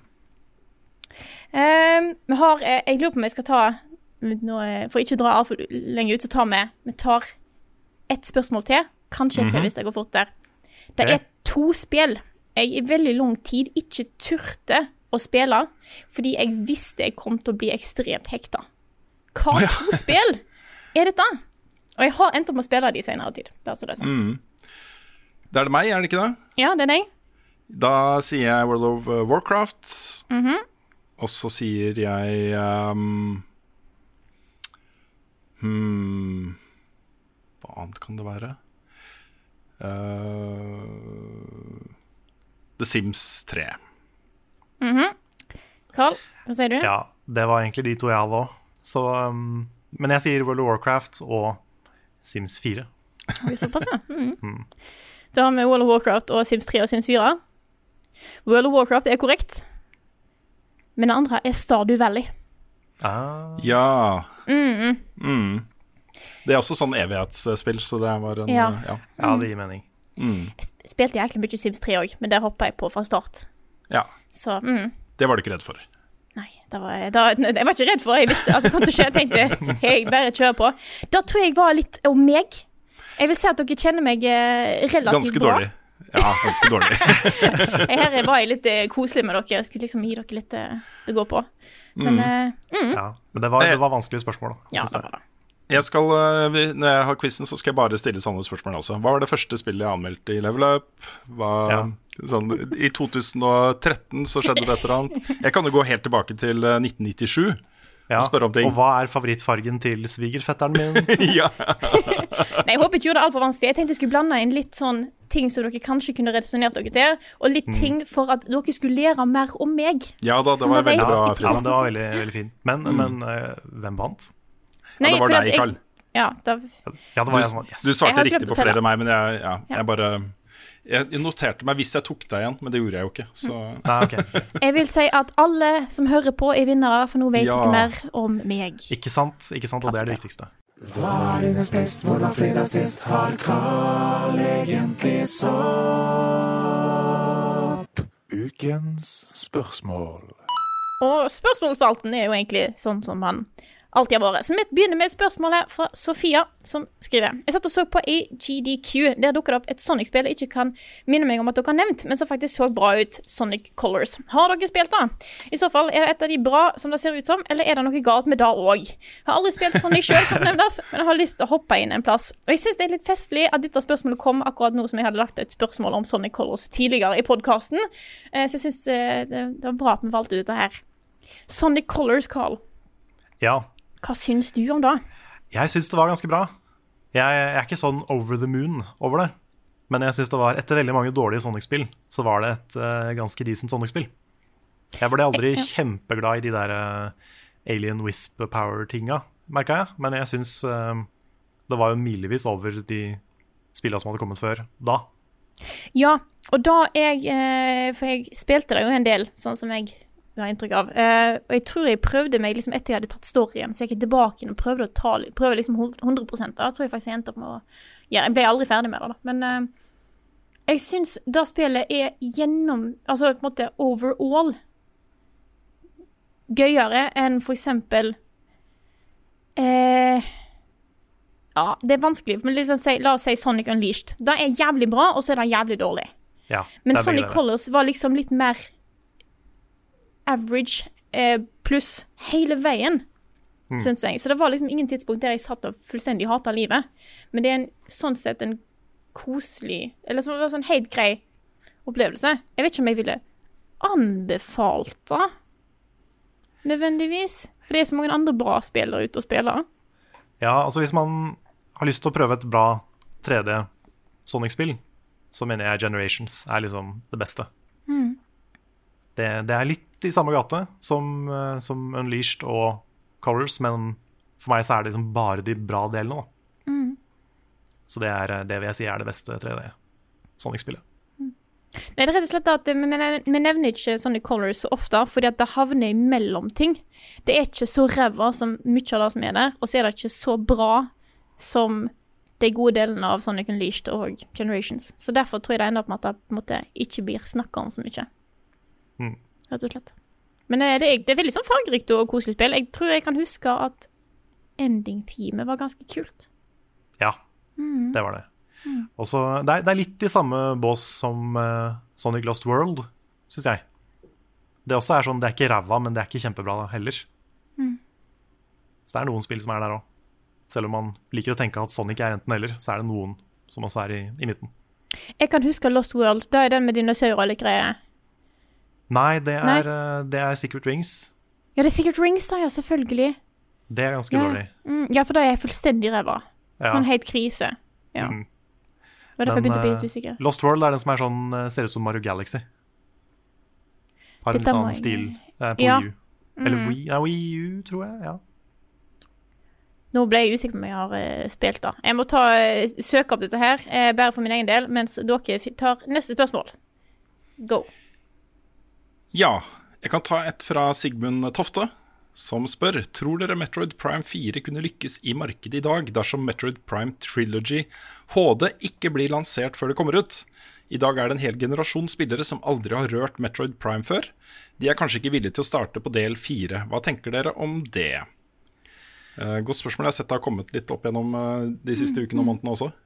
Jeg tror det spørs helt hvordan dette spillet her blir vinkla. Fordi du har noen spill der det går an å hoppe rett inn i det uten å ha spilt de forrige. For eksempel nye God of War. Uh, The. For hvis- eksempel alle Metroid-spillene. ja, da, ja da. ja. Men spørsmålet er hvis dette blir presentert veldig som det fjerde spillet i, spill, eh, fjerde spillet i serien, eh, så kan det være at måtte, folk tenker Og ikke de påpeker at dette er en Hvis det er en egen story, hvis det er det, at du kan hoppe rett inn i det, så kan jo folk bli litt sånn Å ja, vi har ikke spilt nummer én til tre. Eh, så jeg tror så lenge Hvis det er standalone, og det kommer godt fram, så tror jeg det går bra. Det som er litt fint med Metroid-serien, da, du kan hoppe inn hvor som helst og få den samme effekten av å ha spilt et Metroid-spill uh, i det neste spillet du spiller. Fordi det er en del elementer der som går på Mother Brain og eh, bosser du møter og steder du drar til og sånne ting. Som er sånn Å ja! Det husker jeg fra det forrige spillet. og det er, uansett hvor du går inn i serien, så får du den effekten uansett hvilket spill som blir det neste. da. Eh, og, hel, og hele denne Metroid Prime-serien Ok, det er storyting der, eh, som eh, en slags link, da. Men det er, det er fullt mulig å spille hvilket som helst av de tre spillene eh, i hvilken rekkefølge man vil. Da. For dette handler, om, eh, dette handler om å synke inn i det universet. Det er ikke en historie som blir fortalt i særlig stor grad. Da. Det er mye law. At du skanner ting, og så får du litt bakgrunnsinformasjon om det, og så må du sette sammen historien litt selv. da. Eh, For historien i seg selv er bare rompirater har tatt over en eller annen greie. Du må gå inn og fikse det, please. det er storyen, på en måte. da. Um, så er det storyting helt i starten, som jo er litt, litt eh, en sånn større ark. eh, hvor det avsløres hvilket kjønn eh, Samus har, og sånne ting. Men selv de spillene er veldig light på historie, altså. Dette handler Ja, det er det. ikke om å bli fortalt en historie. Dette er en, en sånn gameplay-ting og en uh, synke inn i ting. Men uh, det er jo et poeng da, at kanskje dette er jo mest sannsynlig grunnen til at veldig mange spill velger å ha undertitler istedenfor å ha nummer fire. Fordi man får jo ofte, i hvert fall jeg får ofte den følelsen av at jeg har lyst til å spille det, men jeg burde kanskje spille de første før jeg gjør det, for å få mest mulig ut av det, og så ender jeg opp med aldri å gjøre det. Så, Ja, det er mange det- sånne Mass Effect, for eksempel. Ja, ja for det, er, det, det går an å starte på treeren, Mm. men jeg ville jo ikke gjort det. Der, Nei, der føler jeg det er viktig å liksom spille i hvert fall to og tre. Ja. Men ta Persona 5, da. Det ble en uh, stor suksess, selv om det heter nummer fem. Ja, Mm. ja for det er jo helt standalone. Der er det bare noen få eh, enkle connections. Jeg håper bare at Metro Prime 4 blir bra, og at jeg kan spille det. For jeg har ikke fått spilt originaltrilogien fordi jeg blir så sinnssykt kald. Er det kanskje det spillet du er mest lei deg for at ikke du har spilt, Frida? Nei, egentlig ikke, men det er ganske høyt opp på lista likevel. Nei da, men jeg, jeg tror det kommer til å gå helt fint. Men det, er, det må jo kommuniseres, da. At, øh, at uh, dette er ikke som uh, Halo-serien eller andre serier hvor historien Gears Historien bare løper og løper. Um, du kan starte med det. Men det er jo um, eh, Jeg håper jo at øh, de gir ut Metroid Prime Trilogy også. Uh, og så går det jo også et rykte om at det kommer et nytt 2D-Metroid til eh, Switch. Eh, Nice. I tillegg da til Metroid Prime 4. Så, så spørs altså, dette, er jo, dette er jo ikke en sånn serie som har uh, solgt i titalls millioner av eksemplarer tidligere heller. Det er en litt sånn underground-serie. Ikke mye, da. Den er, folk kjenner den og sånt. Men den, er, den selger jo ikke i nærheten av like mange som Mario og de andre store seriene til eh, Nintendo. da. Så eh, ja, jeg, jeg tenker sånn at hvis spillet er bra, og det får god omtale, og det ser fett ut, så har det ikke så mye å si at det er eh, Metroid Prime 4. Nei. Hva, hva, om de, hva om de kaller det for Metroid Primed? Ja. Eller Metroid Preform? ja. oh. Ja. Ja, jeg skal ta jeg Metroid jeg, PRIV. Ja. Metroid Privm. ja. Nei. Jeg tar neste spørsmål her, jeg. Altså, Mm. Jeg tar et kort etter. Um, fordi nå, vi driver jo og shaker så mye nå i Level Up. Vet du, det er helt insane uh, hvor mye vi driver og uh, fornyer oss i 2020. Vi har et Ja, spørsmål hold fra Est fast. Ja, ja, vi driver og uh, Ja.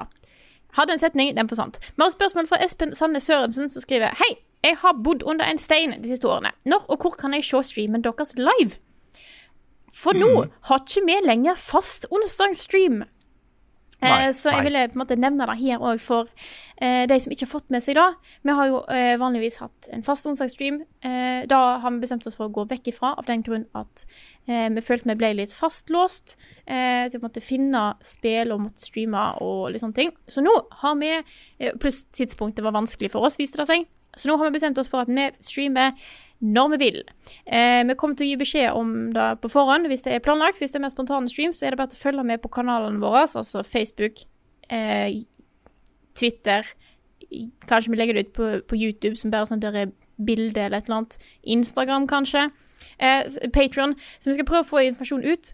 Men dette gjør vi rett og slett for å prøve å få jeg tror, eh, altså Det kan godt være med at vi ender opp med å streame mer. Men vi skal prøve å Mm. holde det til minst én gang i uka. Eh, Mm. nå, nå er det mulig for at Rune kan streame på dagtid, når han har tid til det. Eh, hvis jeg sitter der en eller annen søndag og tenker nei, nå har jeg lyst til å spille et eller annet spill, så kan jeg streame det. Vi kan planlegge litt mer at vi spiller ting sammen, for da kan vi heller finne et tidspunkt som passer for alle sammen. Mm. Eh, og det blir mer av ting som Dark Souls Randomizer eller Sonic Adventure 2 Battle og sånne ting. Så ja. Ja, fordi vi har lyst til å tenke litt annerledes på streaming. Fordi Litt av ideen da vi starta med det, var at vi skulle finne et nytt spill å streame for hver uke. I hvert fall nesten hver uke. Mm. Uh, og det resultatet er at vi ofte ender opp på spill som ikke funker så bra på stream. Ofte så har vi brukt masse penger på et spill vi bare spiller i to timer. Mm. Uh, det er på en måte Det viste seg å ikke være helt optimalt, pluss at da veldig mange ikke hadde tid på onsdag klokka, klokka åtte. Så, så vi, vi tenker litt mer sånn serier nå. At vi, at vi um, fortsatt streamer spill vi ikke får anmeldt, fortsatt em, prøver nye ting. Men at Mm. vi Mm. også har mer sånn type gjengangere. da Sånn som Mm. at vi spilte gjennom hele Adventure 2 i løpet av fire streams. Vi har nå hatt to Dark Souls randomizer streams. At vi kjører litt mer sånn seriebasert. da At eh, det går an å komme tilbake til ting og spille det på nytt fordi det var gøy. Og for de som er nervøse, så skal jeg passe på at det blir ikke bare FromSoft-spill stream. det blir ikke, Altså, det blir ikke bare Dark. Souls. Ja. Det fins også, finnes også Mario 64 randomizer, og det er liksom spillet. Mm. Ja. Men eh, for Jeg har tenkt også, jeg har tenkt jeg bare å starte da, hver dag klokka ni. Skal jeg ha en sånn her Jeg får til en liten en eh, dag også. Ja. Det er bra ikke det er noen andre som har den timesloten. Ja. Bra, det er ikke det. Jeg skal ikke det. Jeg skal ikke det. Men for de som lurer på hvor det er, så er det gå på Twitch. Der har vi en konto som heter Level Up Nord. Så mm. søk oss opp der. Følg oss der, da får du beskjed om når vi går live. Eh, da er det beste tipset jeg kan gi dere. Og der driver vi òg og eksperimenterer litt. Nå har vi fått oss en bot. Ja. Ja. Det har vi. Så det skjer, det skjer så mye nytt i Level Up nå at jeg, eh, jeg skjønner hvis dere ikke klarer å følge med. Nå blir det for mye å henge med på. Så det, ja. Mm. Jeg kan jo, Bare for å nevne en siste ting, litt sånn morsom ting. Mm. Vi, vi har jo fått en del eh, donasjoner på Twitch. Og jeg kan jo avsløre såpass som at de pengene skal vi bruke på noe gøy. ja. Ja. Så bare til å glede seg til å se hva det blir. Mm. Mm. Nei, har dere et eh, spørsmål til på lur? Før vi runder av, kanskje? Ja, jeg, jeg har litt lyst eh, til å ta det spørsmålet fra Tobias eh, Rosland. At vi kan spekulere litt i det. For han spør da hva tror dere kan bli launch-spill til PlayStation 5? Mm. Mm. Kan du begynne, kanskje? Jeg tror i hvert fall The Last of Us, Ja. både én og to, Ja. kommer til launch. Eh, Og det samme gjelder Ghost of Tsushima. Ja. Jeg tror det kommer PS5-versjoner av eh, de spillene. Men har, har vi fått dato på. Ghost of Tsushima? Det er sommeren, bare. Ja, OK. Tror Ja, jeg. altså, det er litt tricky med launch-spill, fordi veldig ofte så er det ikke så veldig spennende spill på launch. Mm. Så det er jo mye som, eh, som du har vært inne på, mye re-releases og sånn. Men eh, det største spillet på PS4 i en periode, eller det kuleste, husker jeg jo jeg syns var Res og Gun, liksom. Og det var et sånt Mm. lite, lite spill som kom da PS4 kom. Så var det mye sånn Marvel-Lego-spill og sånne ting.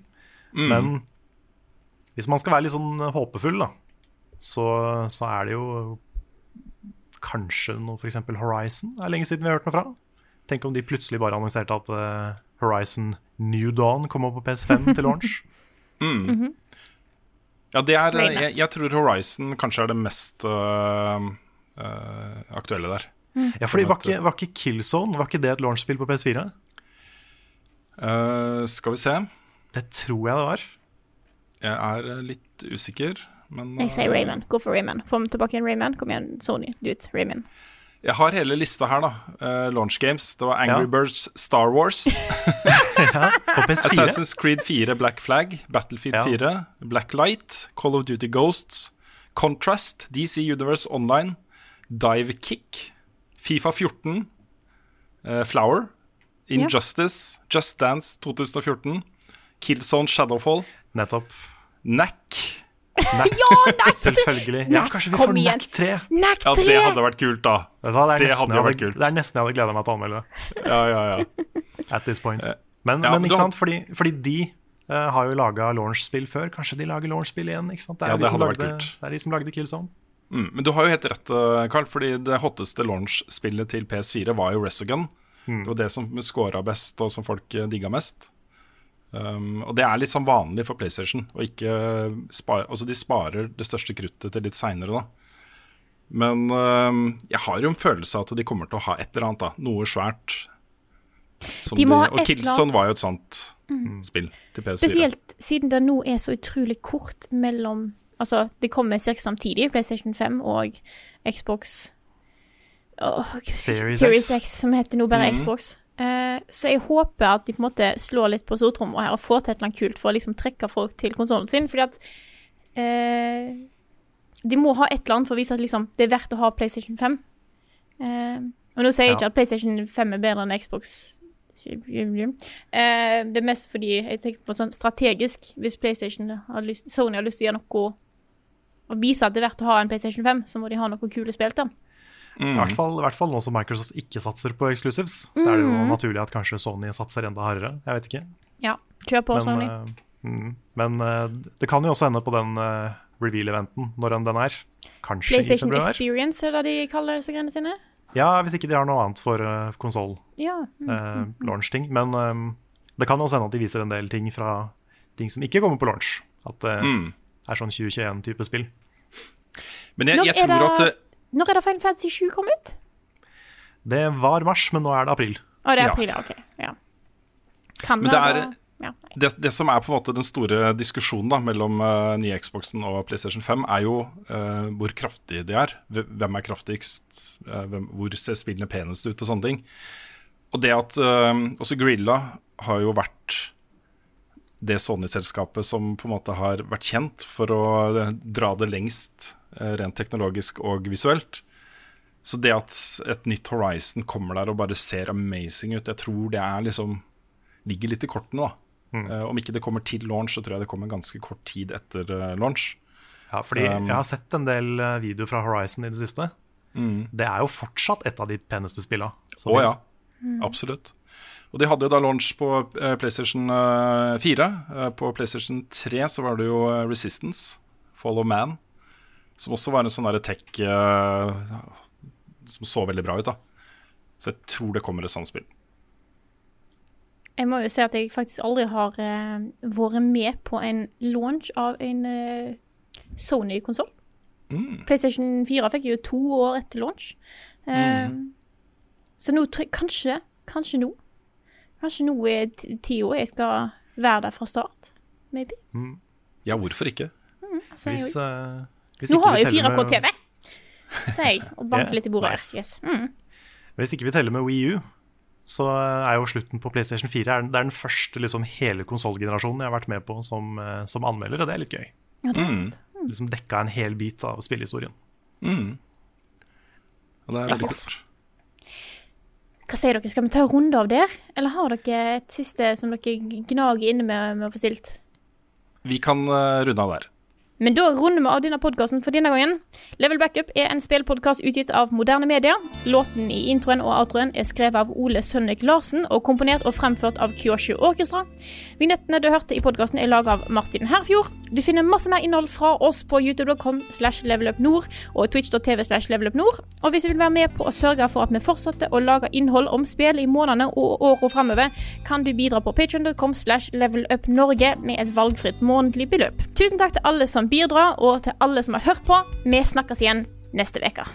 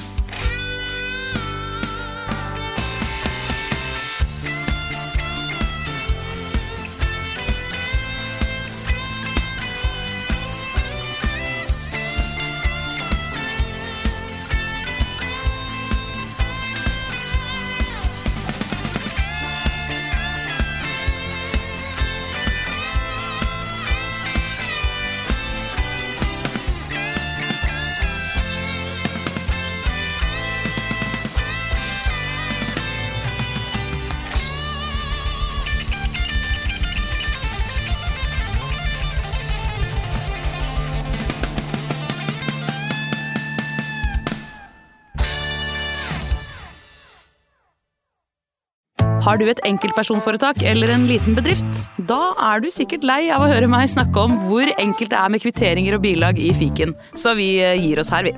Fordi vi liker enkelt. Fiken superenkelt regnskap.